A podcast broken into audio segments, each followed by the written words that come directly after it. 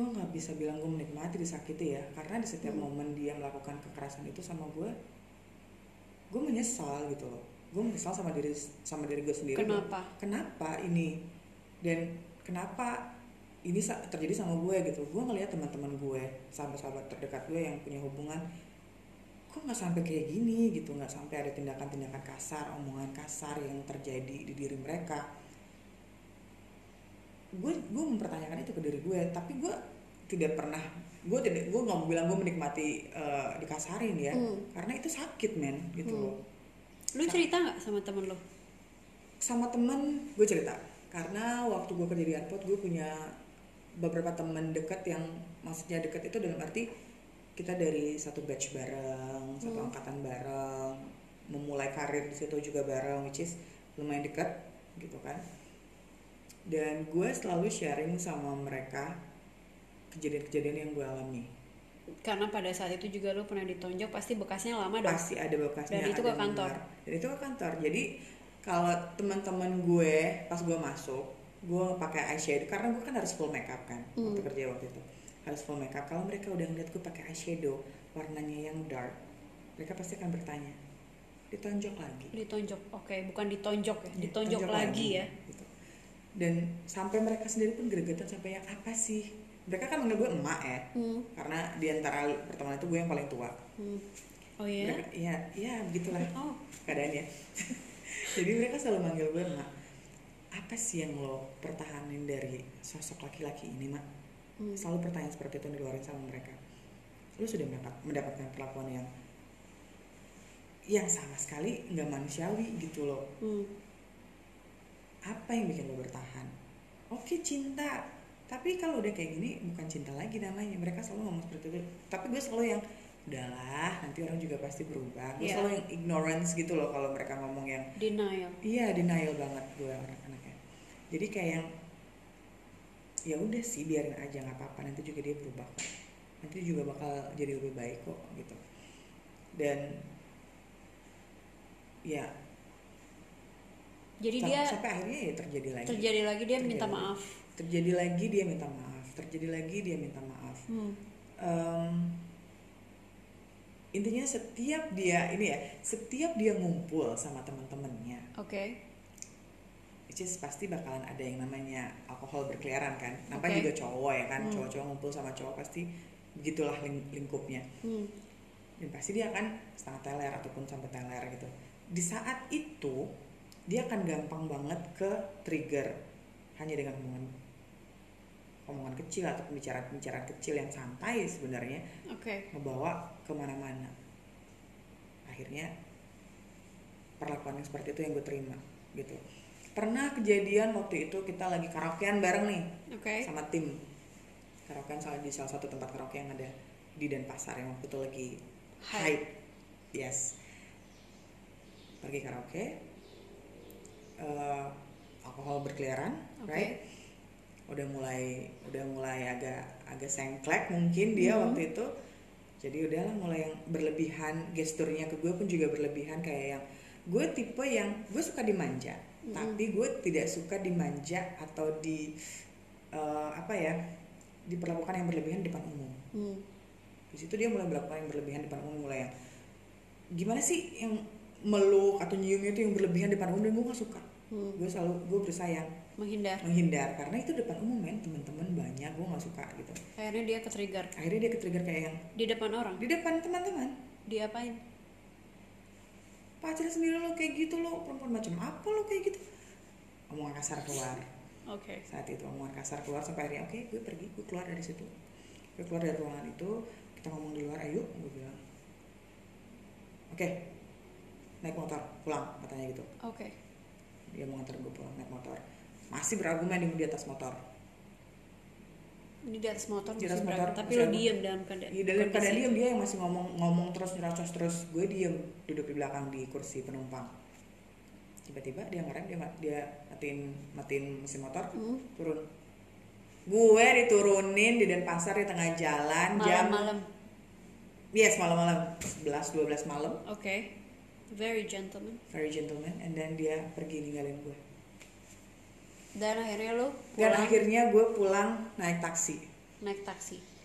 Oke pulang ke kosan sendiri pulang ke kosan sendiri naik taksi. kalian tinggal bareng apa enggak? Waktu itu yes. Tapi ketemu dong di rumah? Eh, kalau momen yang seperti itu dia pasti tidak akan pulang. Oh oke. Gitu. Gue sama pacar gue yang ini memang kita lebih banyak tinggal bareng. Tapi Hmm. memang ada momen dia yang akan ada di rumahnya Hmm. nggak nggak nemenin gue di kosan kayak gitu balik lagi karena gue ngerasa gue nggak bisa sendirian men gitu Takut loh. sendirian takut itu. sendiri gitu takut kehilangan takut nggak ada yang mencintai gue gitu loh dan karena sudah ada ya pola manipulatif itu atau mungkin ada verbal verbal kata-kata yang dia ucapkan ke lu yang secara nggak langsung jadi tertanam terdoktrin ke lu yang iya oke jadi kayak kayaknya gue harus sama dia aja kalau bukan gue yang cinta sama lo siapa lagi yang bakal sayang oke. mencintai lo kayak yang gue lakuin sama lo. Itu bahasa dia. Itu bahasa dia yang karena gue ngerasa apa ya gue dulu mempunyai insecurities yang tinggi banget tentang diri gue kayak gue nggak cantik gue nggak pinter gue nggak kayak perempuan-perempuan pada umumnya. Yang lainnya yang you know lah perempuan cantik untuk ukuran kita kan adalah tinggi semampai langsing, rambut panjang Panjang, kulit putih, putih. pinter gitu ya kan Hmm. dan itu nggak ada di gue gitu Hmm. kan lo tau sendiri kayak gimana bentukannya Hmm. gitu dan itu itu yang jadi kayak oke kalau gue kehilangan yang ini siapa lagi yang sayang sama gue dengan bentukan gue yang seperti ini gitu itu yang selalu jadi doktrin di otak gue bahwa gue nggak bisa sendiri kalau udah ada yang satu sayang sama gue bilang bilang cinta sama gue gue nggak mau kehilangan orang itu oke. Begitu. Tapi pernah nggak lu ngebalas pada saat terjadi pemukulan? Balas perlakuannya dia? Ya enggak jadi lu diem? Gue diam gue tipe kalian diam kalaupun gue ngebalas atau gue marah larinya ke barang men. Oh barang ya? Iya. yang lempar gelas, Lempar lempar, ya. cangkir atau lempar piring. Tapi kalau lempar handphone, laptop enggak ya, sayang Mahal. men. Gue masih berpikir ke situ, walaupun gue marah, mahal belinya. Jadi piring terbang, gelas terbang itu sering terjadi di kosan. tapi gue. lu nggak pernah ngomong sama orang tua atau kakak lu enggak, gue nggak pernah ngomong ke lingkungan keluarga gue tentang apa yang gue terima dari pasangan gue. pernah cari pernah kepikiran untuk minta pertolongan gak sih Enggak, karena gue takut malah kalau gue ngomong kejadian yang gue alamin ke lingkungan keluarga gue, entah kakak gue atau orang tua gue, malah mereka bakalan kepikiran atau mereka bakalan nyuruh gue untuk menyudahi hubungan ini dengan laki-laki ini. Gua dan itu lu takut itu yang gue takutin gue, gue nggak mau ada apa namanya, ada intervensi dari keluarga gue tentang hubungan gue gitu loh. Karena gue pasti bakalan ngapain lu bertahan sama orang kayak gini mereka pasti akan kontra sama gue Oke. gitu. itu yang itu yang gue takutin jadi makanya gue nggak pernah ngobrol tentang itu ke orang tua family gue siapa pun itu yang yang tahu kejadian-kejadian itu cuman ya teman gue itu sahabat gue yang waktu itu kita memang bareng di lingkup yang sama. Tapi dan teman lo juga sebenarnya sudah memberitahu tapi ya pada posisi itu kan denial Mhm. udah terlalu cinta Mhm. udah di- dirubah pola pikirnya betul. sudah dimanipulatif. Jadi sebenarnya lo tuh pengen keluar tapi nggak tahu caranya gimana. Dan takut juga. Takut sampai em, sampai di 2012 2012 Nah, berarti gue pacaran kan 8 tahun lalu. Yes 2012 nyokap gue stroke. Oke Masuk 2012 nyokap lu stroke? Mhm, masuk rumah sakit. Eh bentar. Eh, dia sopan gak sih sama keluarga lu? Hmm, sama keluarga gue sopan. Kalau datang ke Oke. rumah sopan. Oke. Sopan ya standar lah sopan. Oke karena dia 2012 juga karena dia juga nggak terlalu sering bertamu ke rumah kan. Oke.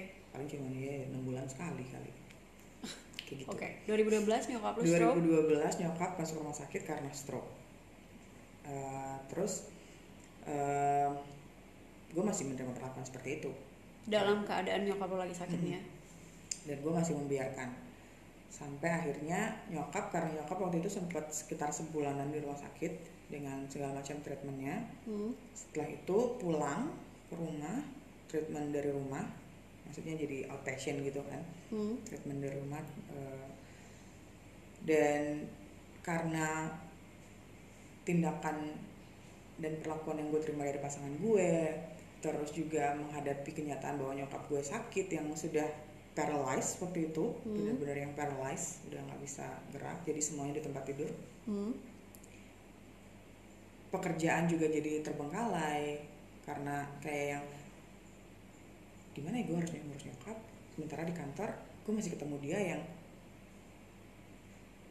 tiba-tiba marah tiba-tiba kesel gitu. Jadi bukannya mensupport lu secara mensupport gitu. emosional, ba- emotionally. Mm-mm, Pada kayak saat gitu. itu lu membutuhkan seorang pasti iya dong. betul betul betul sampai kayak eh, dari pertengahan 2012 itu sampai awal 2013 itu gue dengan apa ya dengan kebimbangan gitu loh yang kayak kerja nggak tenang di rumah juga lagi seperti itu gitu Hmm. jadi kayak yang lebih gampang tersulut emosi jadi lebih lebih intens berantemnya kita berdua gitu Hmm.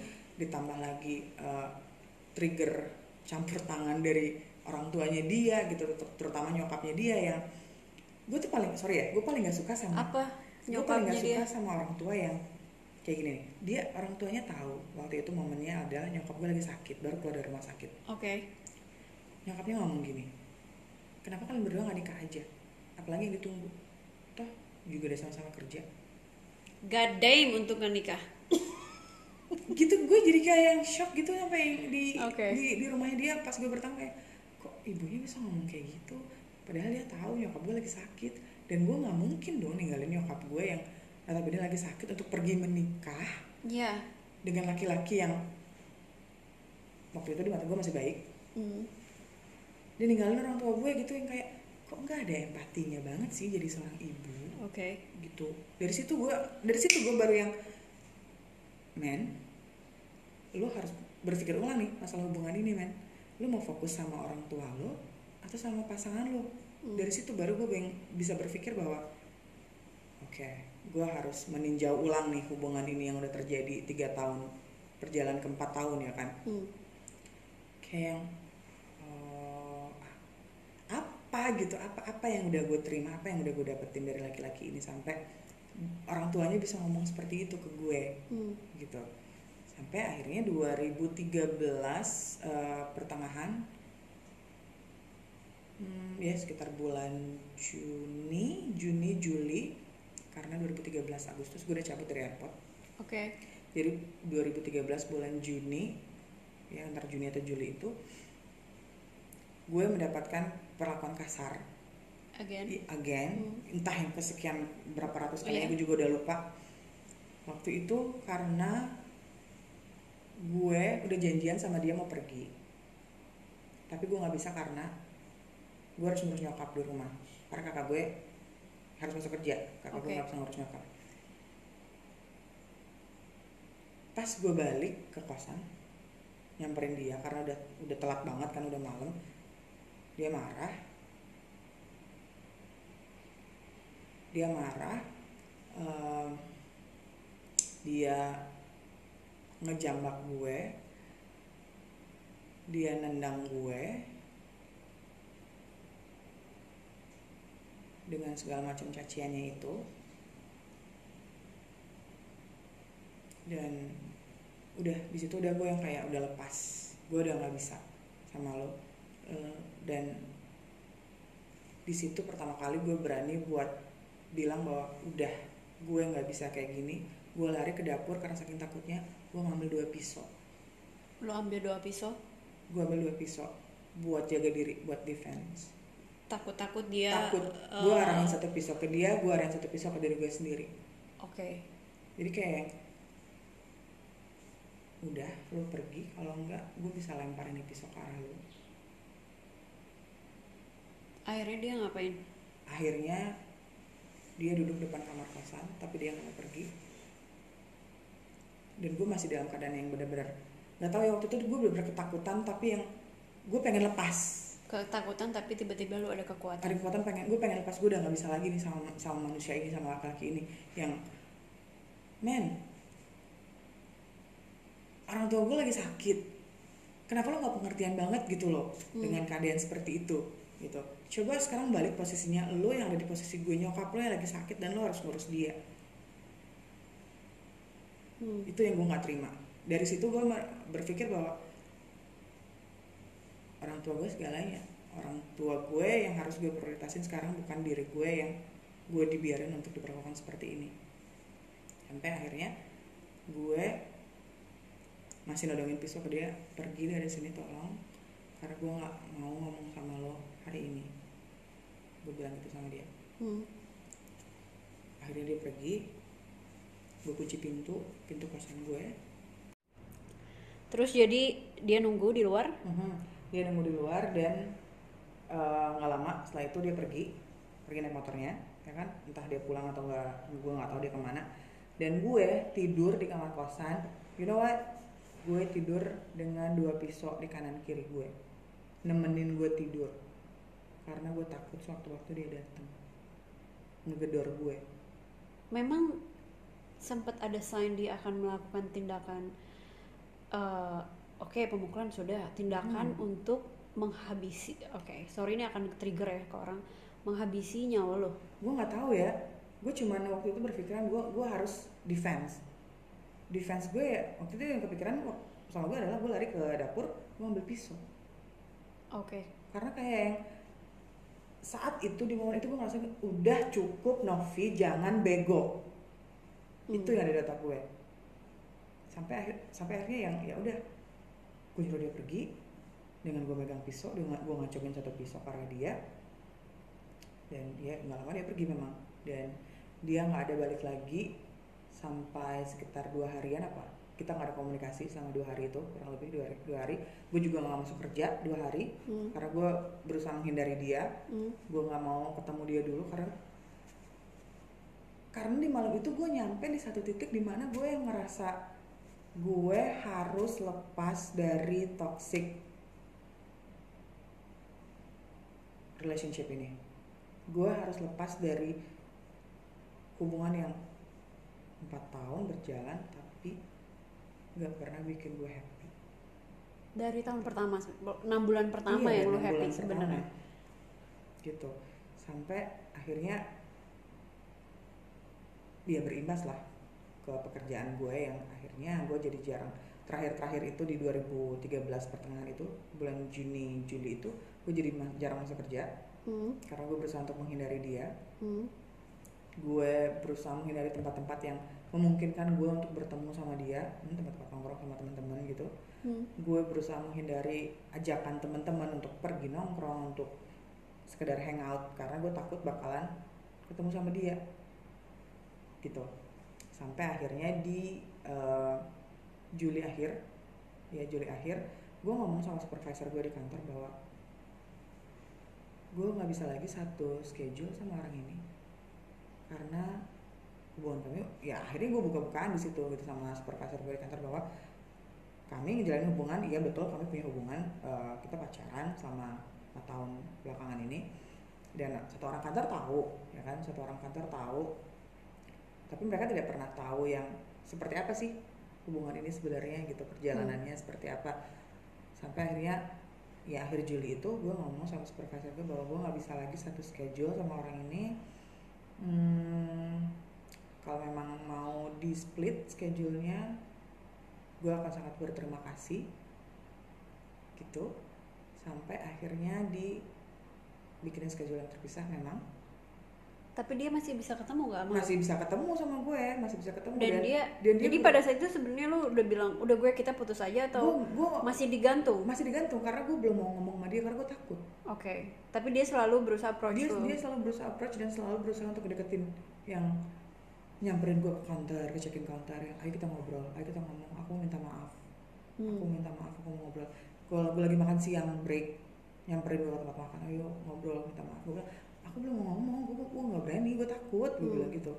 Gue belum gue belum jangan dulu dia diganggu gue selalu bilang kayak gitu. Hmm. sampai pernah suatu hari dia nyamperin gue ke counter itu Agustus kalau nggak salah deh Agustus pertengahan. 2013 Agustus pertengahan 2013 dia datang ke counter nyamperin gue ayo ngobrol eh, kita ngomong baik-baik ini kayak gimana mau hubungannya? Dia Hmm. bilang kayak gitu. Dan di situ gue punya keberanian bilang kita udah kita udahan gue udah nggak mau lagi ngejalanin hubungan ini sama lo. Yaudah jalan masing-masing gue bilang kayak gitu. Somehow dia mendidikan meninggikan nada suaranya bilang lo punya pacar baru ya? Oke. Lo nggak mau balikan sama gue? Siapa laki-lakinya? Coba Hmm. bilang sama gue. Dia bilang kayak gitu. Ini, ini bukan masalah pacar baru atau gimana ini antara kita berdua. Gue bilang gue nggak punya pacar baru gue nggak punya siapa-siapa yang baru. Gue cuma nggak mau aja lagi ngelanjutin hubungannya sama lo karena gue udah ngerasa cukup tersakiti selama ini. Gue bilang kayak gitu. Udah terserah tapi yang jelas gue nggak mau putus. Oke. katanya gitu dia pergi berlalu begitu saja. Sampai di akhir Agustus gue bilang sama supervisor gue September kontrak gue kan habis. Hmm. kontrak di kantor itu September kontrak gue habis dan gue bilang sudah gue stop kontrak gue dari pihak manajemen juga. Akhirnya oke akhirnya oke kontrak gue habis di September itu. Eh, di September pertengahan gue menyelesaikan kontrak di kantor. Setelah itu gue udah bener-bener yang udah gak kerja dan gue udah nggak punya kesempatan buat buat ketemu dia which is good buat gue karena gue Hmm. nggak punya kesempatan buat ketemu sama dia. Tapi dia masih berusaha untuk nyamperin gue di tempat kosan teman gue. Hmm. karena mungkin dia sempat ngedatengin kosan gue tapi gue nggak ada di situ. Dia tahu biasanya gue pergi ke mana. Akhirnya dia nyamperin gue ke tempat teman gue. Gue nggak perlu sebutin namanya di sini teman cewek atau gue perlu sebut namanya Oh, temen cewek. teman cewek Siapa yang akhirnya? Agatha Oh, Bu Agatha.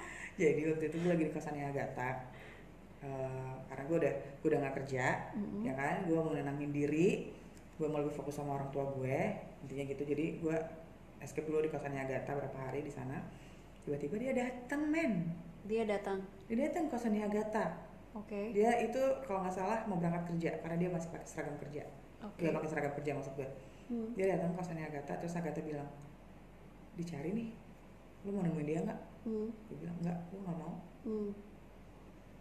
gue udah bilang gue udah gue, gue udah bilang gue menyudahi hubungannya sama dia dan gue gak mau lagi ketemu sama dia gue bilang gitu sama Agatha gue nggak tahu dia berargumen apa sama Agatha di depan Hmm.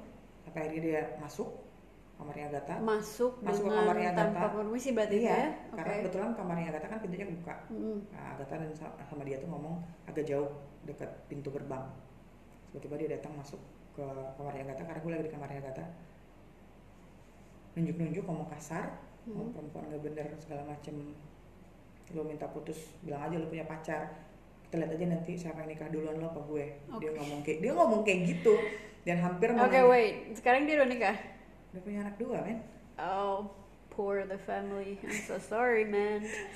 dan dia sempet nunjuk gue waktu itu nunjuk-nunjuk ngomong kasar dan hampir mau nunjuk gue tangannya udah ngepal Hmm. terus diteriakin sama Agatha eh kalau mau mukul anak orang jangan di tempat gue pergi lo digituin sama Agatha manusianya masih hidup Agatha kalau kalau mau apa namanya eh, butuh klarifikasi dari dia boleh cerita gue karena dia tahu kejadiannya waktu itu karena ada Hmm. dia di situ Hmm.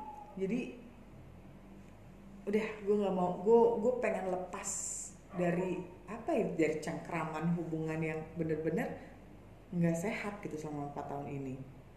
Ya triggernya itu gara-gara kok dia nggak bisa empati? Gue lebih milih orang tua gue gitu. Dan dari situ gue selalu menghindar apa pun kegiatan yang masih ngumpul-ngumpul sama teman-teman di kantor sebelumnya. Mereka masih tetap menginvite gue gue gue akhirnya udah nggak pernah mau join lagi karena gue pasti karena gue tahu dia pasti akan ada di situ Hmm. dia pasti akan selalu involved di situ dan sempet berapa kali dia ngehubungin kakak ipar gue Hmm. laki-laki Buat? ini untuk ngomong bilang bahwa dia nggak mau putus dari gue minta tolong kakak ipar gue buat ngomong sama gue biar kita bisa balikan lagi kakak ipar gue ngomong sendiri sama gue Hmm. tadi disamperin sama nih sama si ini dia bilang "Minta tolong bilangin sama Novi buat gak usah jangan putus lah mau kok saya berubah seperti Hmm. yang dia mau Kayak Oke. gitu kakak gue yang kakak ipar gue yang kalian kalau emang ada masalah selesaiin berdua Hmm. saya juga tidak mau ikut campur Hmm. katanya gitu karena kalian yang jalanin gitu gue Hmm. cuma nyampein apa yang dia bilang gitu. Hmm. kakak ipar gue bilang gitu ya dari situ gue yang udah udah udah jangan apa pun kalau gue bilang sama kakak ipar gue apa pun eh, bentuknya nanti dia menghubungi mencoba mencoba berkomunikasi dengan kalian pihak keluarga. Baik nggak usah deh nggak usah. Langsung diputus Mm-mm, komunikasi. nggak usah. Dan setelah berapa lama hmm, itu September ya kejadiannya akhir 2013 dia sempat datang nyamperin gue ke rumah. Datang ke rumah? Datang ke rumah. Oke how dare you dia sempat datang nyamperin ke rumah dan pas Oke. waktu itu di rumah gue lagi sama Agatha. Agatha lagi main ke rumah gue di kampung. Oke ada Agatha lagi. Ada Agatha lagi waktu itu. Dia kayak saksi hidup Hai Bu Ini. Agatha. Next podcast ya. Terus Yes. jadi waktu itu dia datang ke rumah nyamperin gue dan ada Agatha. Gue bilang sama Agatha gue gak mau nemuin orang ini. Lo ajak aja ngobrol. Gue masuk kamar. Hmm. terus kata Agatha jangan kayak gitu. Ngomong baik-baik. Apalagi dia datang ke rumah ya kalau memang dia mau berubah maafin tapi nggak usah balikan katanya gitu terus sama nyokap nyokap waktu itu posisinya nggak tahu ya karena lo nggak pernah cerita nggak pernah cerita nyokap, Iya. nyokap nyokap cuma yang temuin ya orang dia nggak boleh kayak gitu ya sangkanya berantem biasa Iya, tau lah ibu-ibu kayak gimana ya. ya Dan gue bilang, waktu itu tuh gue begitu liat mukanya tuh udah marah, udah marah yang kesel gue bilang langsung yang gimana sih yang gemeteran yang Hmm. langsung flashback ah, sama langsung yang kayak yang gue bangun dari dari sofa gue bilang gue nggak mau ketemu sama orang ini suruh dia pergi. Kalau enggak gue yang pergi. Suruh dia pergi. Gue langsung nunjuk kayak gitu sambil nangis dan gemeteran. Hmm. nyokap gue mungkin Bingung, ya kenapa? kok kayak gini? Ya. gitu tumben. Akhirnya Agatha ngajak dia ngobrol agak jauh. Disuruh dia pulang. Dia pulang. Akhirnya hari itu berlalu gue nggak ada ngobrol apa-apa sama sama nyokap. Gue nggak mau ngomongin ngomongin masalah itu sama nyokap. Hari itu berlalu gak lama setelah hari itu gue duduk sama nyokap Hmm. gue cerita cerita cerita semua Semuanya? semua yang terjadi selama empat tahun terakhir eh, antara gue sama dia Hmm. awalnya gue takut cerita karena gue takut bakal bakal nyakitin orang tua apalagi nyokap waktu itu kan posisinya memang masih sakit kan? Lagi sakit. Gue takut oke. gue takut malah bakal bikin dia jadi drop Kepikiran. gitu kepikiran karena kok ternyata anak gue mengalami ini ya selama ini gue nggak Hmm. pernah tahu gitu. Hmm. sampai gue memberanikan diri untuk cerita bahwa ya empat tahun terakhir pacaran sama dia ya perlakuan yang seperti ini saya dapat gitu. Dan Hmm. nyokap ya kenapa nggak pernah cerita? gitu. Kenapa nggak pernah ngobrol lo kan punya kakak lo punya kakak lo punya lo punya orang tua istilahnya gitu nyok- kata nyokap dan lo nggak berhak diperlakukan seperti itu gitu loh Hmm. Oke, memang dulu mama sering dapat perlakuan yang mungkin hampir sama. Tapi nyokap selalu berkata itu di rumah tangga, saya sudah menjadi istrinya. Dia bilang seperti itu. Hmm. Kamu masih pacaran, belum menjadi istrinya dia. Tapi dia sudah berani melakukan dirimu seperti itu. Gimana Hmm. kalau misalnya lo nikah sama dia? Apa nggak makin parah? Kata nyokap di situ gue bener-bener yang nangis men Hmm. gue yang selama ini selalu nyalahin diri gue sendiri atas apa yang terjadi sama diri gue sendiri baru kayak kesadar bahwa iya nggak ada yang berhak melakukan itu ke diri gue Hmm. karena gue punya hak untuk melindungi diri gue Hmm. Dari perbuatan seperti itu siapa pun pelakunya gitu Hmm. ngobrol sama nyokap gue tahu dia dia kecewa pasti ya maksudnya sebagai orang tua kok bisa nggak tahu gitu nyokap mungkin lebih ke sedih kali ya Lebih bukan sedih, ke ya. kecewa ya Iya iya iya ya sedih yang Hmm. kok anak kok anak gue mendapat perlakuan seperti itu ya membiarkan dirinya mendapat perlakuan seperti itu karena bayangan masa lalu Hmm. karena melihat sendiri apa yang dialami orang tuanya sampai akhirnya menjadi pembenaran bahwa orang mencintai berhak melakukan tindakan kekerasan sama diri lo Hmm. gitu gue gak mau nangis sorry men boleh kok tisu deket gue gue nggak bisa nangis kalau ngomongin masalah itu lagi tapi kalau misalnya lo korek gue masalah orang, tua, Hmm. Bisa jadi air kolam air mata gue Ah, nanti. jangan kalau bilang udah penuh cuy. Gitu. Jadi tapi pada saat itu akhirnya eh, lu putus dan lu cerita sama nyokap lu dan Hmm. nyokap lu bilang ke lu nyokap apa gue yang apa yang nyokap lu bilang ke lu yang udah nggak usah balikan lagi udah gitu udah tahu atau nyokap lu memutuskan untuk konfront laki-laki itu. Nah. tapi bokap lu tau gak sih? Enggak ya? Mungkin Mungkin nyok- cerita nyokap, nyokap nyokap cerita. Oke. Nyokap cerita bukan bukan maksudnya bukan dari gue yang cerita langsung ya, Iya. tapi nyokap sepertinya bercerita ke bokap Hmm. yang nyokap gue bilang mama selalu mendoakan yang terbaik buat anaknya Hmm. Nah ini mau nangis nih. Tunggu dulu ya bro. Gue bawa tisu dulu sebentar. Aduh susah. gue nggak suka nih kalau udah ngomongin orang tua nih kayak gini nih pasti jadinya gue nggak nangis loh men Oh, enggak sih, biar drama aja. gitu. Nyokap selalu, Selalu bilang bilang mendoakan yang terbaik. mama selalu mendoakan anak-anak mama yang terbaik. Kalau ternyata pada kenyataannya ada hal seperti ini yang terjadi berarti itu pelajaran yang berharga buat kamu nanti saat punya pasangan yang lain. Gitu. Dan dari situ gue jadi yang gue nggak mau lagi bikin nyokap gue merasa sedih karena apa yang terjadi sama diri gue gitu kan Hmm. Eh, nangis kan gue gara-gara lu Nangis. Gak suka nih kalau gini Kan kita organik, bukan sintetis. bukan sintetis rumput Terus? terus eh, hmm, terus ya nyokap. Bim nyokap bilang dari cerita yang kamu kamu bilang ya mama sedih gitu. Kenapa anak saya harus mengalami kejadian seperti ini gitu? Sekarang belajar buat mencintai diri kamu sendiri dulu sebelum kamu eh, jatuh cinta atau eh, membiarkan orang lain mencintai kamu. Kamu yang pertama kali harus mencintai dan menghargai diri kamu dulu. Itu yang nyokap gue bilang.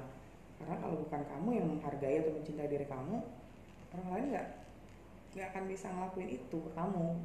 Hmm. Em, Hening ya. hening. Jadi ya buat gue sekarang Dan sekarang, oh ya, sedih lo memaafkan nggak? Memaafkan, tapi dua hanya hubungan itu ya, dua orang dua itu ya, hubungan itu yang toxic banget yang abusive, yang Abusive. akhirnya memberikan sedikit post traumatic syndrome ya buat lo ya. Iya. Gue bisa bilang itu PTSD.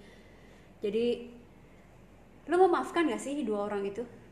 Setelah 8 tahun berlalu ini, betul? betul Ya. memaafkan Em, memaafkan gue memaafkan orang itu justru gue malah lama dan susah untuk memaafkan diri gue sendiri Sampai sekarang?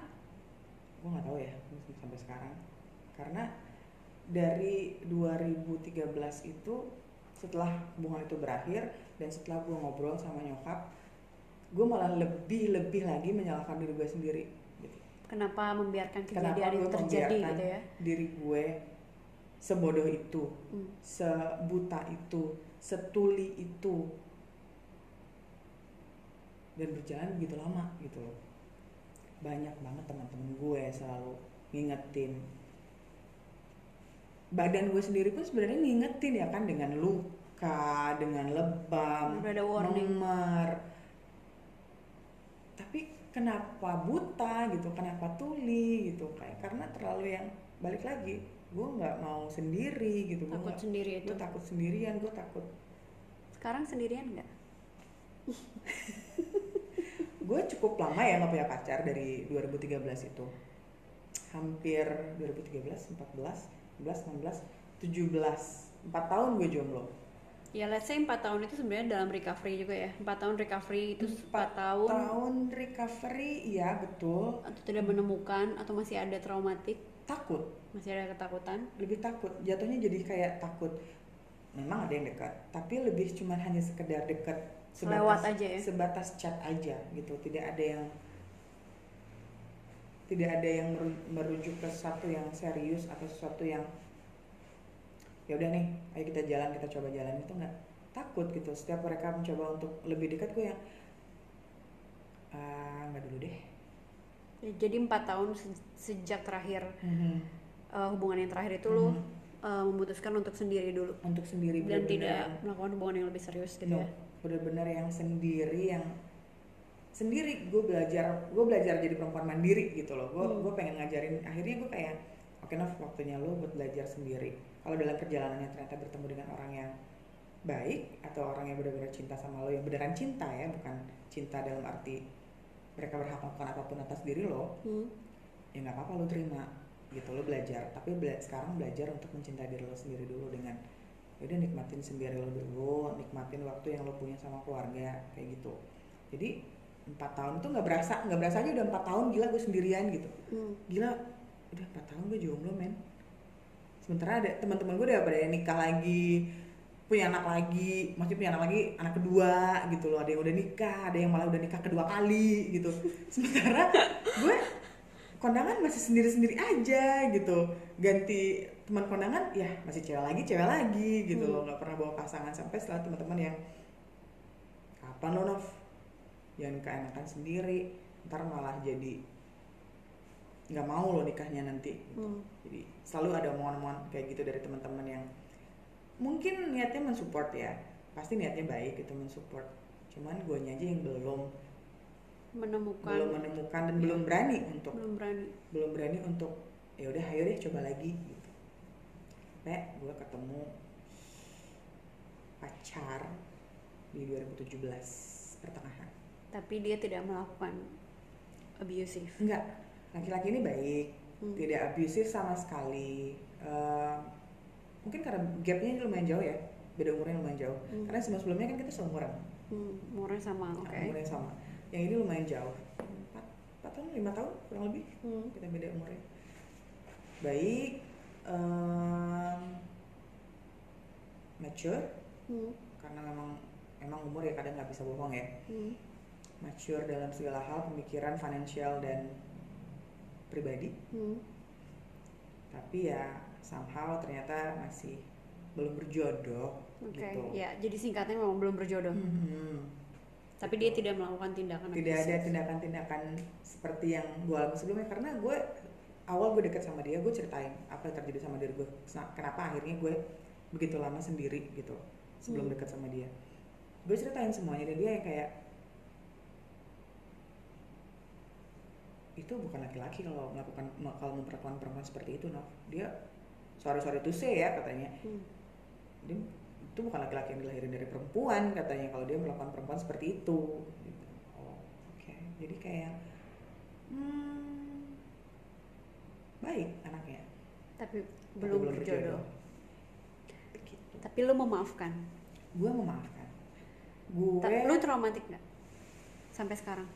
ada sis apa ya ada sisi di mana gue masih susah untuk mempercayai laki-laki tapi gue juga pengen dicintai gitu gue juga Hmm. pengen disayang tapi ada ada sisi di mana gue yang gue takut itu kejadian lagi dan Hmm. gue takut kalau gue kecewa Untuk gara-gara kesekian uh-huh, kalinya. gara-gara hal yang sama gitu Hmm.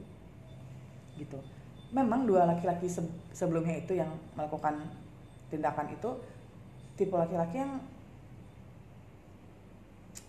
apa ya jujur maksudnya jujur itu dalam arti mereka nggak mereka nggak chat sama perempuan lain atau mereka nggak eh, apa ya berusaha dekat sama cewek lain selama pacaran sama gue tuh enggak Hmm. mereka tuh hanya ya itu hanya tindakan kasar yang dilakukan ke gue gitu Tindakan kasar sih. iya tindakan kasar Hmm. tapi tidak tidak bermain di belakang gue sih enggak setahu gue ya Dan itu pun sebenarnya nggak bisa dibenarkan. nggak bisa sih? dibenarkan iya benar semakin ke sini akhirnya makin banyak ketemu dengan teman-teman yang juga mengalami Ya, ya tindakan. banyak banyak temen Hmm. gue juga banyak memang. terus gue sempat nimbrung di beberapa forum Facebook yang ngobrolin tentang begini Hmm. baca-baca lagi tentang tindakan-tindakan abusing dalam relationship eh, relationship itu seperti apa Hmm. Dari situ mulai yang kebuka pikiran bahwa itu memang salah gitu.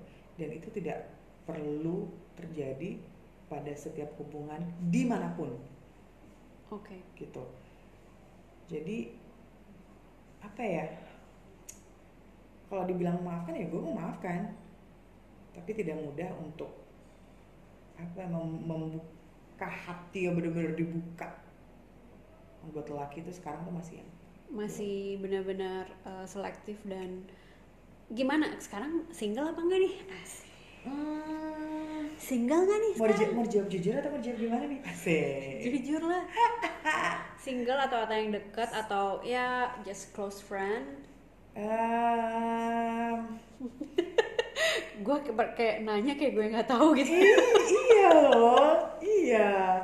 Ada oke nggak usah di nggak usah di nggak usah dijawab. Tapi Oke, ada yang dekat. ada yang dekat. Tapi sekarang em, sebelum kita close wra- wrapping up wah ini jadi part 2 bro.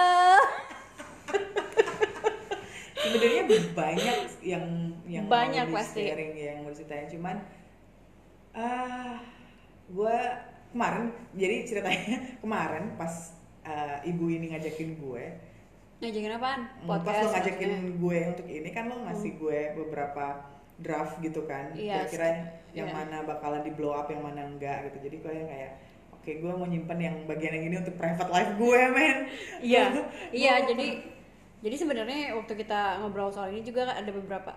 Walaupun gue temenan sama Novi, tapi gue menghargai dia sebagai resource karena gue pun tidak akan menanyakan pertanyaan kalau dia nggak mau untuk menjawab gitu. Eh, tapi sebelum kita wrapping up dan ini penting banget untuk semua perempuan di luar sana, Mhm. ada nggak sih yang atau perempuan ataupun laki-laki yang dalam keadaan sekarang terjebak dalam abusive relationship, terjebak dalam toxic relationship, eh, nggak tahu harus gimana, terus berusaha berbicara kepada orang tua, kepada teman, kepada komunitas, tapi dia sendiri yang lu bilang tidak punya kekuatan. Apa sih yang pengen lu sampaikan? Karena gue bisa bilang you are a survivor, akhirnya keluar dari uh, toxic relationship itu. yang mau gue sampaikan cuman kalau teman-teman ada yang ngalamin hal yang sama kayak gue atau mungkin sekarang lo lagi di mana punya hubungan yang seperti itu. Sudahi. Sudahi pulang ke rumah balik sama orang tua heal yourself first dan jangan ada di lingkungan yang kayak gitu karena itu benar-benar akan ngerusak lo dan itu nggak sehat. Itu itu itu itu yang bisa gue sampaikan buat teman-teman sebisa mungkin hindari hubungan yang melakukan kekerasan secara apa pun itu bentuknya karena kalau sudah yang ada namanya kekerasan itu nggak sehat gitu Oke. Jadi ini kan gue langsung ya sama orang yang sudah ber, ada di situasi itu, pengalaman itu. eh dan gue juga thank you nih sama Novi udah mau sharing sama kita semua, which is gue yakin ini nggak gampang sih untuk diomongin karena biasanya ngomongnya ya dua arah aja kan ini kan gue dan mereka dan ada Mhm. listener. betul Em, ya, kita akan jadi part 2 sebenarnya ini dan gue sangat enjoy sekali karena ini seperti oh ya, pertanyaan terakhir nih. yes Are you happy now? happy Happy. happy gue happy sama diri gue yang sekarang karena gue lebih bisa menghargai diri gue bagaimanapun bentuknya inilah diri gue gitu dan gue orang pertama yang harus menghargai dan mencintai diri gue gitu Betul. jadi kalau ditanya happy gue happy gue happy banget gitu Lu happy banget. gue happy nah, itu yang banget. penting. Yang penting juga lu harus happy banget dalam sama diri lu sendiri. Mhm. Kayak lu bilang nyokap lu bilang bahwa you have to love yourself. Mhm. It's, a- it's kind of like a self care. Mhm. sampai akhirnya lo menemukan orang yang uh, yang bisa uh, spending the rest of your life. amin Tuh, Amin.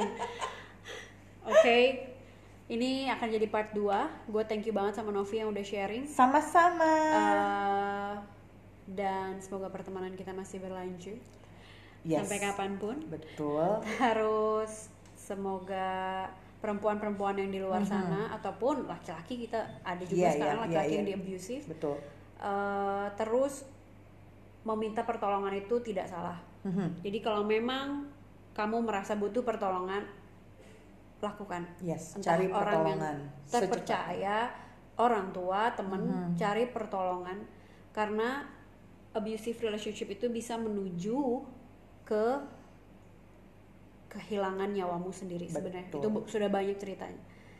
Jadi thank you. Kita wrapping up sekarang.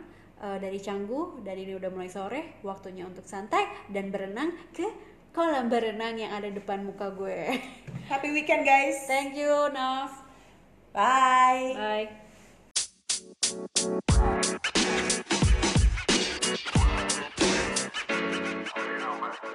you know, man.